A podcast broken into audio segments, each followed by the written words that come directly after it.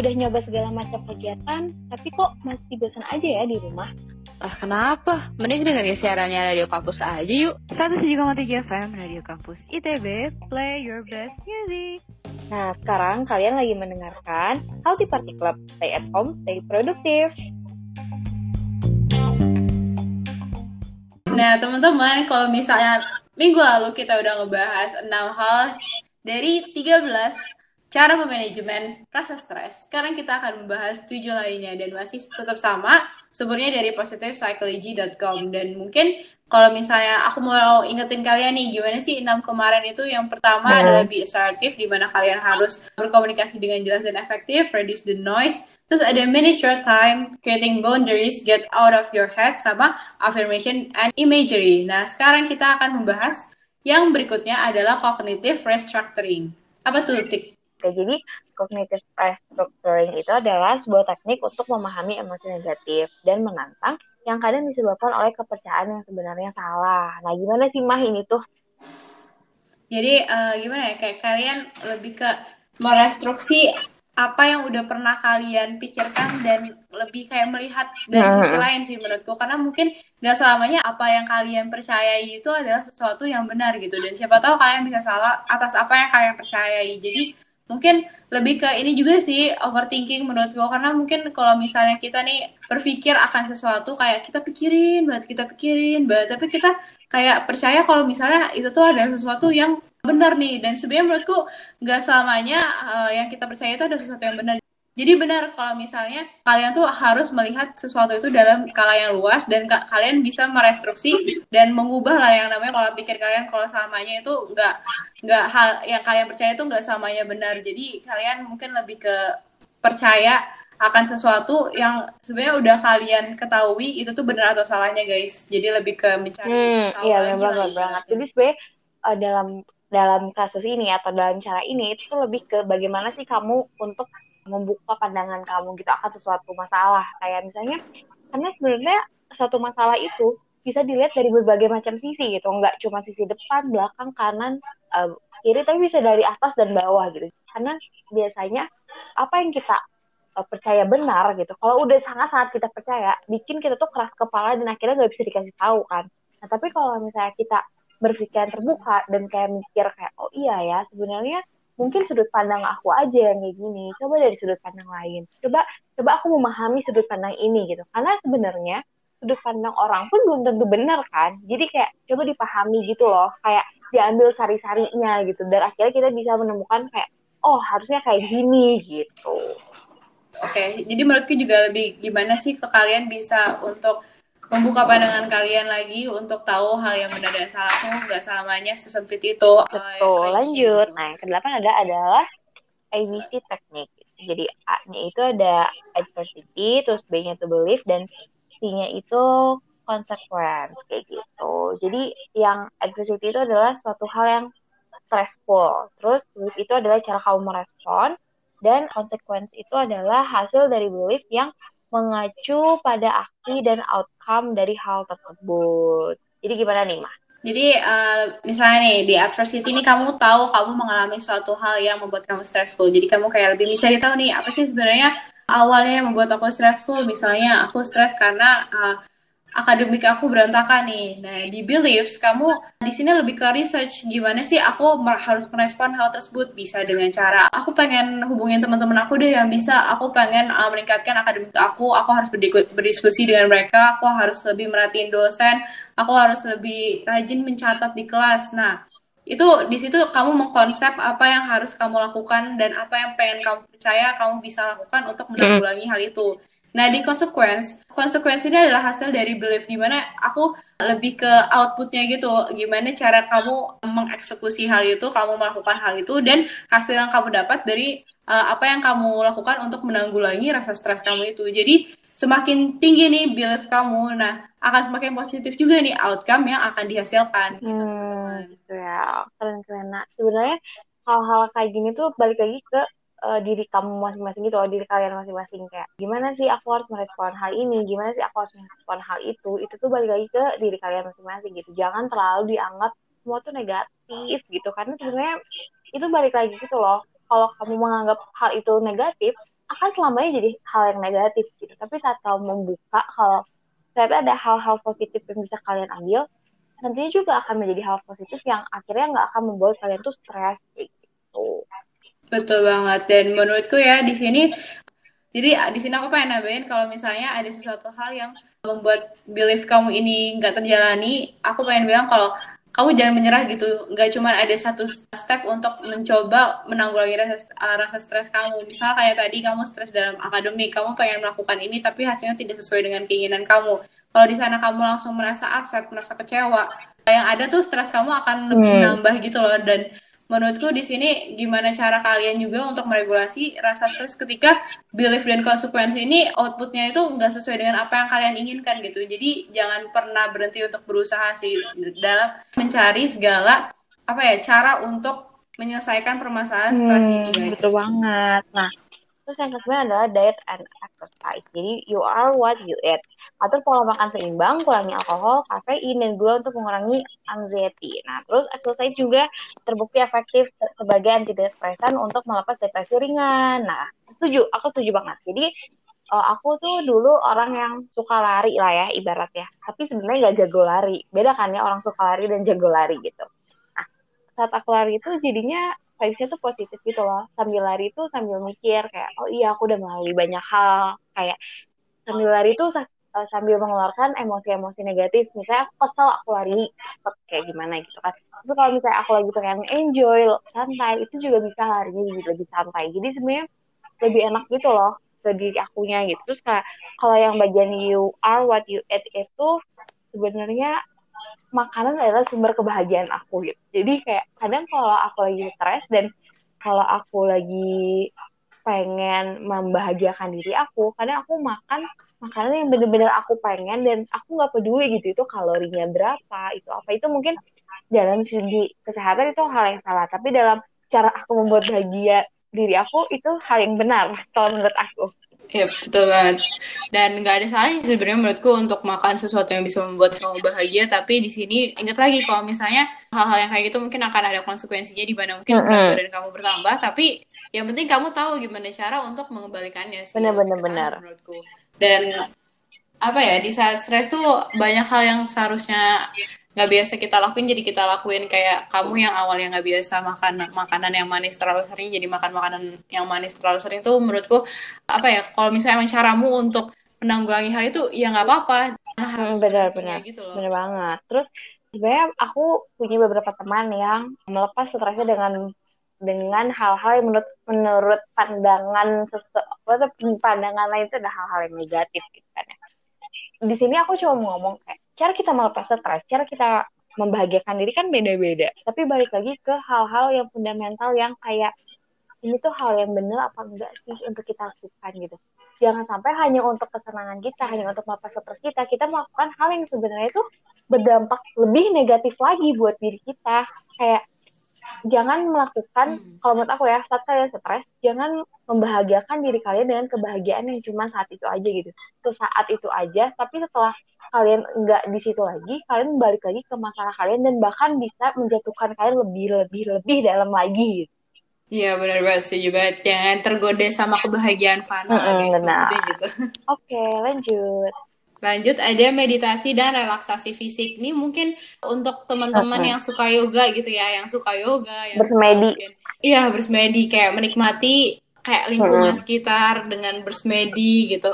Dan menurut aku ini adalah salah satu hal yang apa ya, jadi bisa kalian lakuin sih dan kalau misalnya ngomongin meditasi dan relaksasi fisik ini mungkin kayak contoh langsungnya aku ngeliat ibu aku kali dulu ibu aku tuh sering banget yoga dan dibanding sebelum dia yoga dan sekarang kan udah enggak lagi kan regulasi dia dalam menangani emosi itu emang lebih bagus ketika dia melakukan yoga gitu teman-teman. Dan gimana ya mungkin eh, balik lagi mungkin kalian yang suka yoga kalian bisa ngelakuin yoga bisa Mm-mm. ngelakuin meditasi atau kalian yang suka yang lain kalian lebih uh, prefer exercise exercise. Kalian lebih prefer exercise kalian lakuin exercise. Sebenarnya di sini fungsinya adalah untuk mereduksi hal-hal negatif gitu loh guys. Kalau misalnya aku sendiri ya kadang-kadang aku suka semacam meditasi nggak ini nggak sering sih guys. Tapi ketika aku melakukan meditasi ini aku merasa lebih relax lebih tenang lebih kayak gimana ya perasaannya tuh jadi lebih gampang untuk nggak berpikiran negatif gitu loh guys. Jadi kayak membuang pikiran-pikiran negatif dari otak aku gitu. Dan juga aku jadi nggak gampang overthinking hmm, keren keren sebenarnya jujur aku nggak pernah sih mah ngelakuin yoga dan segala macam. Karena sebenarnya yoga kalau misalnya kalian lihat gitu gerakannya kan sedikit susah ya. Walaupun terlihat gak, terlihatnya kayak gampang hmm. tapi saat dilakukan susah. Jadi aku merasa kalau yoga kayaknya aku butuh untuk ke tempat yang ada pelatihannya dulu. Nah baru kalau misalnya aku udah bisa sendiri nih aku aku sendiri di rumah gitu. Kan sebenarnya ya kan? Karena yoga itu yeah, sebenarnya bagus buat penenangan pikiran dan bagus untuk fleksibilitas tubuh gitu Betul banget. Nah, berikutnya itu adalah yang ke-11 build resilient. Mungkin kalau misalnya kalian sekarang di era-era kali gini pasti kalian sering banget hmm. kata resilient gak sih? Jadi gimana sih Tik sebenarnya resilient ini? Oke, jadi orang yang resilient itu biasanya adalah orang-orang yang mampu menerima situasi yang terjadi dan belajar dari peristiwa tersebut lalu move on gitu. Jadi misalnya aku nih ya, cerita deh nggak apa lah ya. Lagian uh, orang yang aku ceritain ini juga akan denger podcast ini. jadi, okay. jadi misalnya nih aku, aku tuh udah bersama seseorang lebih dari dua tahun dan akhirnya memutuskan untuk berjalan masing-masing itu kan menjadi suatu situasi yang baru lah buat aku gitu kan dari situ uh, karena hal yang kayak gak biasa awalnya itu susah banget teman-teman untuk menerima gitu ya kan di sini kan kita harus bisa menerima kan si resilient ini susah banget untuk menerima. Betul. karena balik lagi mungkin karena itu masalahnya sama hati gitu sama perasaan itu lebih susah untuk dikontrol. Tapi aku mikir mungkin sekarang aku lebih mikir kayak semua hal yang terjadi di hidup aku baik itu dari masalah keluarga masalah pertemanan kuliah atau pasangan itu tuh kayak aku ngerasa ini tuh emang kayak ada pelajarannya tersendiri lah gitu. Dan coba deh untuk introspeksi diri coba deh untuk lihat gitu. Sebenarnya hal-hal ini tuh jadi salahnya tuh dari mana sih? Saat kalian tahu gitu ya udah tahu gitu salahnya titik berat masalahnya dan apa yang seharusnya nggak dilakuin gitu ya dari masa itu itu tuh bisa bikin kalian lebih istilahnya lebih kayak memaknai si situasi itu. Jadi kayak misalnya ibarat kata kalian tuh nggak biasa di tempat yang banyak orang lah ibarat itu. Itu situasi yang baru misalnya terus dari situ kalian belajar untuk menerima. Oh ternyata dengan banyak orang itu aku harus belajar untuk lebih terbuka nih sama orang-orang. Biar saat orang banyak itu menjadi peluang aku untuk kenal sama banyak orang dan akhirnya mendapatkan perspektif yang lebih luas gitu. Kan kalau sendiri itu biasanya lebih sempit lah ya. Kayak gitu sih. Sebenarnya hal-hal yang kayak gitu. Terus kalau misalnya dari hubungan percintaan aku dulu mungkin aku lebih belajar kayak oh dalam menangani masalah sama pasangan tuh harusnya nggak kayak gini. Oh harusnya aku lebih banyak komunikasi. Yeah. Oh harusnya aku lebih banyak mengerti dan memahami gitu. Kayak itu loh. Jadi dari situ tuh kita belajar kan. Oh iya harusnya kayak gini-gini. Jadi ntar ke depannya saat kita mungkin bertemu dengan orang yang baru gitu, nggak akan melakukan hal yang sama gitu. Itu sih sebenarnya. Betul banget. Dan gimana ya kalau misalnya uh, ngomongin resilient dan mm-hmm. di era sekarang yang lagi pandemi kayak gini, mungkin banyak dari kita yang kayak merasa apa gitu. Seharusnya gue di saat ini bisa ngelakuin hal ini, aku bisa melakukan banyak hal, aku seharusnya gini gini gini gini gini. Tapi ya mau gimana lagi kan kondisi mm-hmm. sekarang kayak gini ya. Dan kalian nggak bisa memaksakan kalau hal ini tuh bisa diubah secara oh. cepat gitu. Semuanya butuh proses dan semuanya butuh tahap untuk kembali ke semula lagi. Dan gimana sih caranya kita move on dari hal ini ya itu dengan cara menurutku kalian bisa cari kegiatan-kegiatan positif lain kayak kalian memaknai memaknai aja nih pandemi sekarang ini tuh untuk mensyukuri segala segala hal yang udah kalian dapetin sebelumnya dan mungkin kayak aku sering baca gitu loh seharusnya tahun 2020 ini aku melakukan hal ini tapi ternyata aku menjadi mensyukuri apa yang aku lakukan kemarin. Jadi sebenarnya di sini menurutku kalian lebih lebih apa ya ngambil positifnya. Dan kalian lebih berpikir positif aja. Dan bukan artinya dengan pandemi kayak gini kalian gak bisa ngelakuin hal-hal lain. Tapi kalian mungkin lebih kayak metode dan caranya itu dipikirin lagi. Dan emang berbeda. Dan kalian harus beradaptasi move on dari uh, hal ini betul gitu. banget. Jadi sebenarnya pandemi ini tuh bener-bener jadi bahan stresnya orang-orang kan ya. Dan benar kata Isma dengan kita Iya. mencoba untuk belajar dan menerima situasi pandemi yang sekarang itu sebenarnya bisa membuat kita bakal bahkan mungkin lebih enjoy saat pandemi dibanding saat gak pandemi. Itu bisa terjadi loh teman-teman gitu. Saat kalian udah belajar untuk menerima si pandemi ini gitu kan. Nah lanjut. Nah jadi yang kedua adalah talk it out. Jadi jangan dipendam gitu. Saat kalian ngerasa kalian stres bicara ke orang terdekat tentang apa yang kamu khawatirkan gitu. Sharing bisa jadi mood booster juga kok. Dan cari orang-orang yang emang bersedia untuk kamu ceritain gitu. Dan kalau misalnya emang nggak ada yang bersedia, kamu bisa menceritakan itu lewat tulisan atau mungkin kamu bisa juga langsung konsultasi aja ke yang profesional gitu.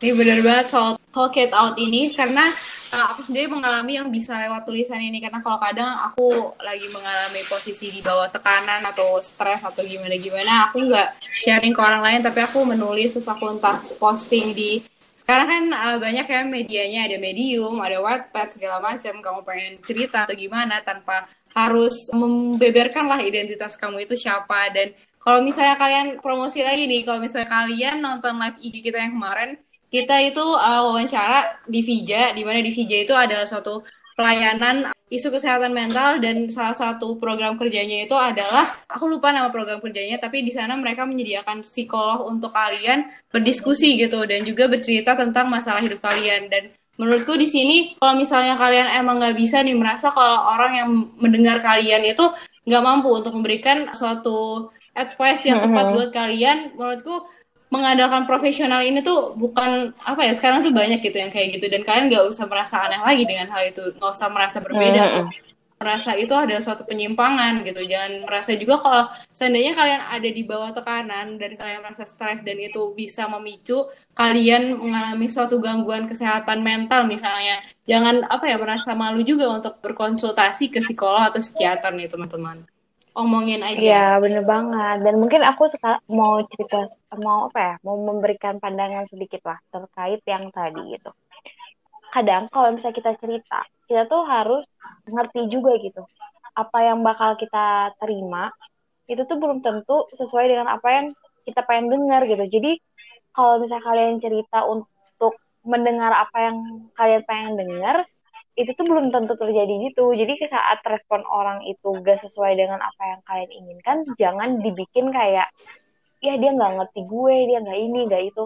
Tapi mungkin emang karena si orang ini tuh melihat cerita kalian dari sudut pandang yang berbeda gitu. Nah, itu sih yang mau aku tekanin. Karena banyak banget orang-orang yang saat cerita dan respon orang terhadap dia itu gak sesuai dengan apa yang diinginkan, dia jadinya kayak ngerasa ah dia nggak ngerti gue, ah dia nggak paham sama gue. Padahal sebenarnya orang yang ngasih advice ini melihat si cerita dia tuh dari sudut pandang yang berbeda dan ngasih tahu, woi ini tuh ada loh sudut sisi ini gitu. Jangan cuma di sisi itu aja lo liatnya gitu sebenarnya. Dan balik lagi kalau misalnya kalian jadi orang yang diceritain sama teman kalian gitu, coba tanya teman kalian itu cerita ingin didengar, ingin dikasih saran, atau ingin dikasih solusi gitu karena tiga hal itu tuh hal yang berbeda gitu. Saran tuh adalah saat kalian bisa ngasih tahu ada sudut pandang lain dari permasalahan ini gitu. Kan karena saran itu nggak harus kita lakukan kan. Terus kalau, kalau untuk mendengar, hmm. kalau misalnya dia bilang sampai didengerin aja, itu adalah sa adalah saatnya kita untuk memberi pengertian dan memahami gitu dari sudut pandang dia loh. Jadi jangan sampai saat dia bilang pengen didengerin aja, tapi kita malah ngasih tahu sudut pandang kita. Karena jujur aja, menurut aku uh, itu bisa kayak ngerusak apa ya ngerusak kepercayaan dia sama kita. Jadinya malah dia kesel gitu kayak apaan sih kan aku pengennya cerita bukan pengen diceramahin. Ngerti gak sih? Nah itu. Terus yang ketiga tuh tadi yang kalau misalnya dia ambil pengen solusi nah kalau pengen solusi baru kalian bisa jor-joran nih gitu. Ngomong yang sebenarnya tuh harusnya kayak gimana gitu. Dari sudut pandang A, B, C, D, E, F. Karena dari saat dia bilang pengen solusi artinya dia membuka semua hal gitu akan masalah dia gitu. Nggak cuman berpegang dengan pandangan yang dia punya gitu. Tapi dia juga artinya ingin melihat pandangan yang lain dan ingin masalah ini tuh selesai dengan minta solusi kan gitu. Jadi aku pengen ngulangin lagi nih kata-kata Utik tadi. Kalau misalnya kalian jadi pendengar aku menyarankan kalian untuk bertanya dulu nih ke orang yang pengen bercerita. Dia itu pengen didengar atau dikasih solusi atau hanya didiamkan saja mungkin pengen ngomong aja gitu Dan menurutku di sini adalah poin penting sih karena dulu aku pernah sempat ikut kayak pelatihan untuk menangani orang yang Hmm. kira-kira pengen bunuh diri. Jadi sebenarnya udah ada tanda-tandanya gitu guys dari misalnya kayak dia cerita aduh aku stres nih kalian harus benar-benar mendengarkan Hmm. uh, hal itu gitu dan kalian tanya lagi kayak tadi yang aku bilang dan kalau seandainya emang dia hanya pengen didengarkan dengarkan saja dan kalian uh, cukup untuk bilang oh gimana? Terus terus sampai dia merasa kalau dia udah lega dengan hal yang pengen dia sampaikan. Dan setelah itu baru kalian tanya kamu pengen tahu nggak dari sudut pandang benar, benar.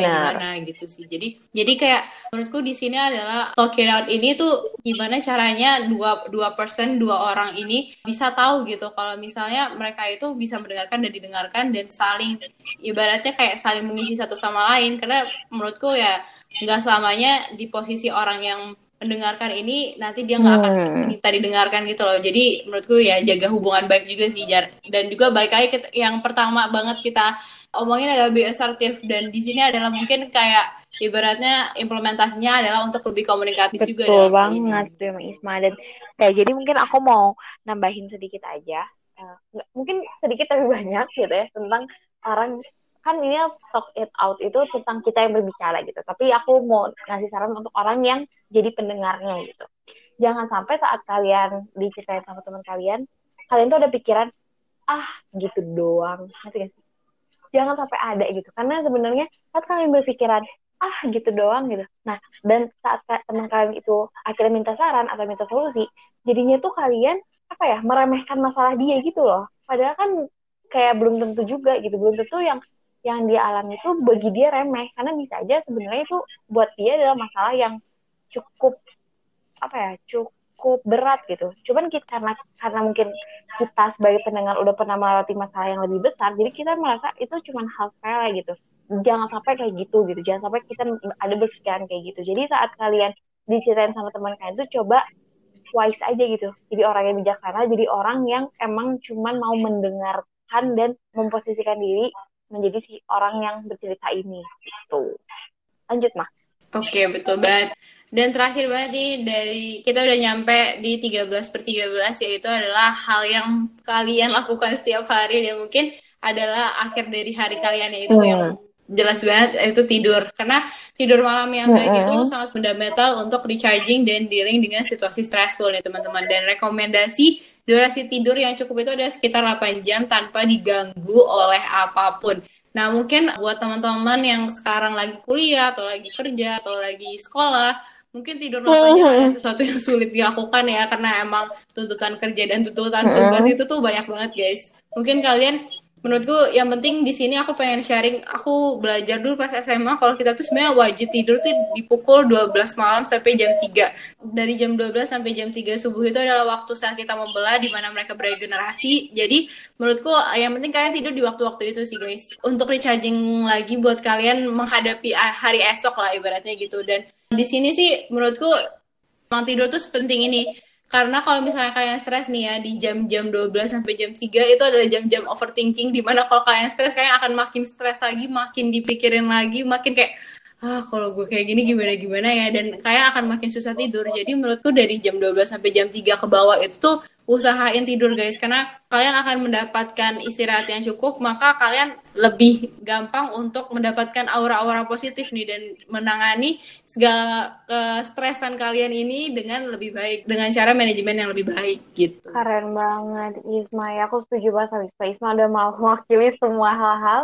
yang pengen aku bicarakan. Jadi bener guys, tidur itu penting karena tidur itu kebutuhan guys sih guys gitu ya.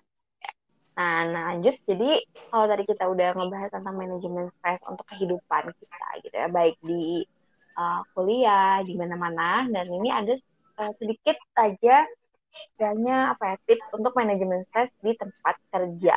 Ya mungkin emang kita belum kerja, tapi kalau menurut aku saat kita berorganisasi gitu, itu adalah suatu tempat kerja untuk kita gitu kan.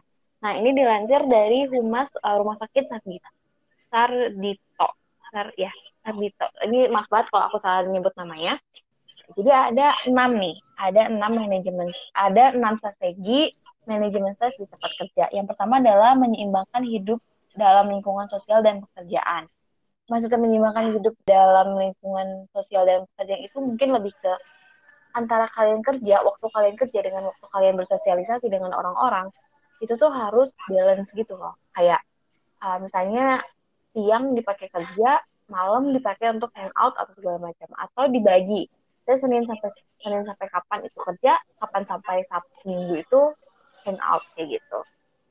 Terus yang kedua adalah bicara keluhan dengan seseorang yang dapat dipercaya. Ini yang tadi sama aja. Terus yang ketiga adalah melakukan kegiatan sesuai dengan minat dan kemampuan. Ini paling urgent sih karena biasanya orang-orang itu suka jahat sama dirinya sendiri gitu. Karena orang-orang itu suka menekan dirinya untuk melakukan hal yang bahkan mungkin dia sebenarnya nggak suka gitu cuman karena terpaksa akan aduh harus ngelakuin ini karena dibayar atau harus ngelakuin ini karena apa ya karena nggak enak atau segala macam nah itu jangan sampai memaksakan gitu yang keempat itu jagalah kesehatan dengan olahraga atau aktivitas fisik secara teratur. Biasanya kan mungkin di tempat kerja kalian terlalu fokus dan terlalu banyak duduk nih, ya nggak sih?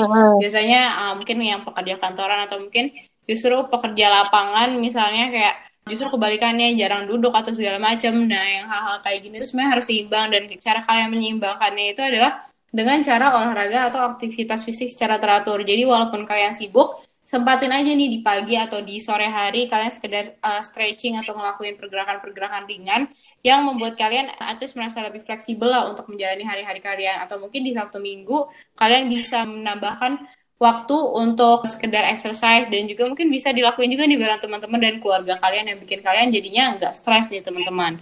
Nah berikutnya ada tidur cukup, makan bergizi seimbang dan terapkan perilaku hidup bersih dan sehat.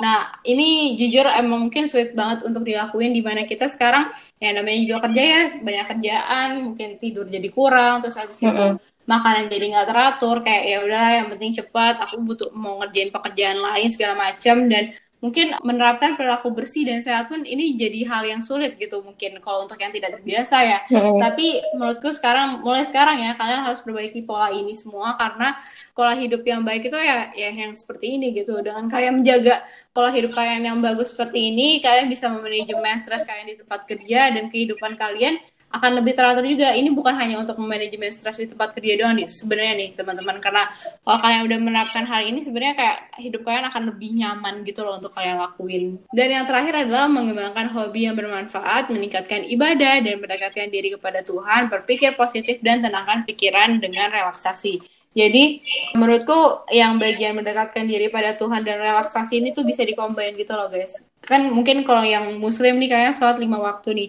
di saat kalian sholat lima waktu fokuskan diri kalian ke, uh, pada sholat itu kalian kayak merelaksasi diri kalian sendiri atau mungkin yang beragama lain ketika kalian melakukan ibadah kalian fokus dengan diri kalian dan Tuhan di mana itu menurutku ada suatu bentuk relaksasi juga sih kayak kalian tenang fokus jadinya kalian bisa lebih menyingkirkan aura-aura negatif lah dari diri kalian.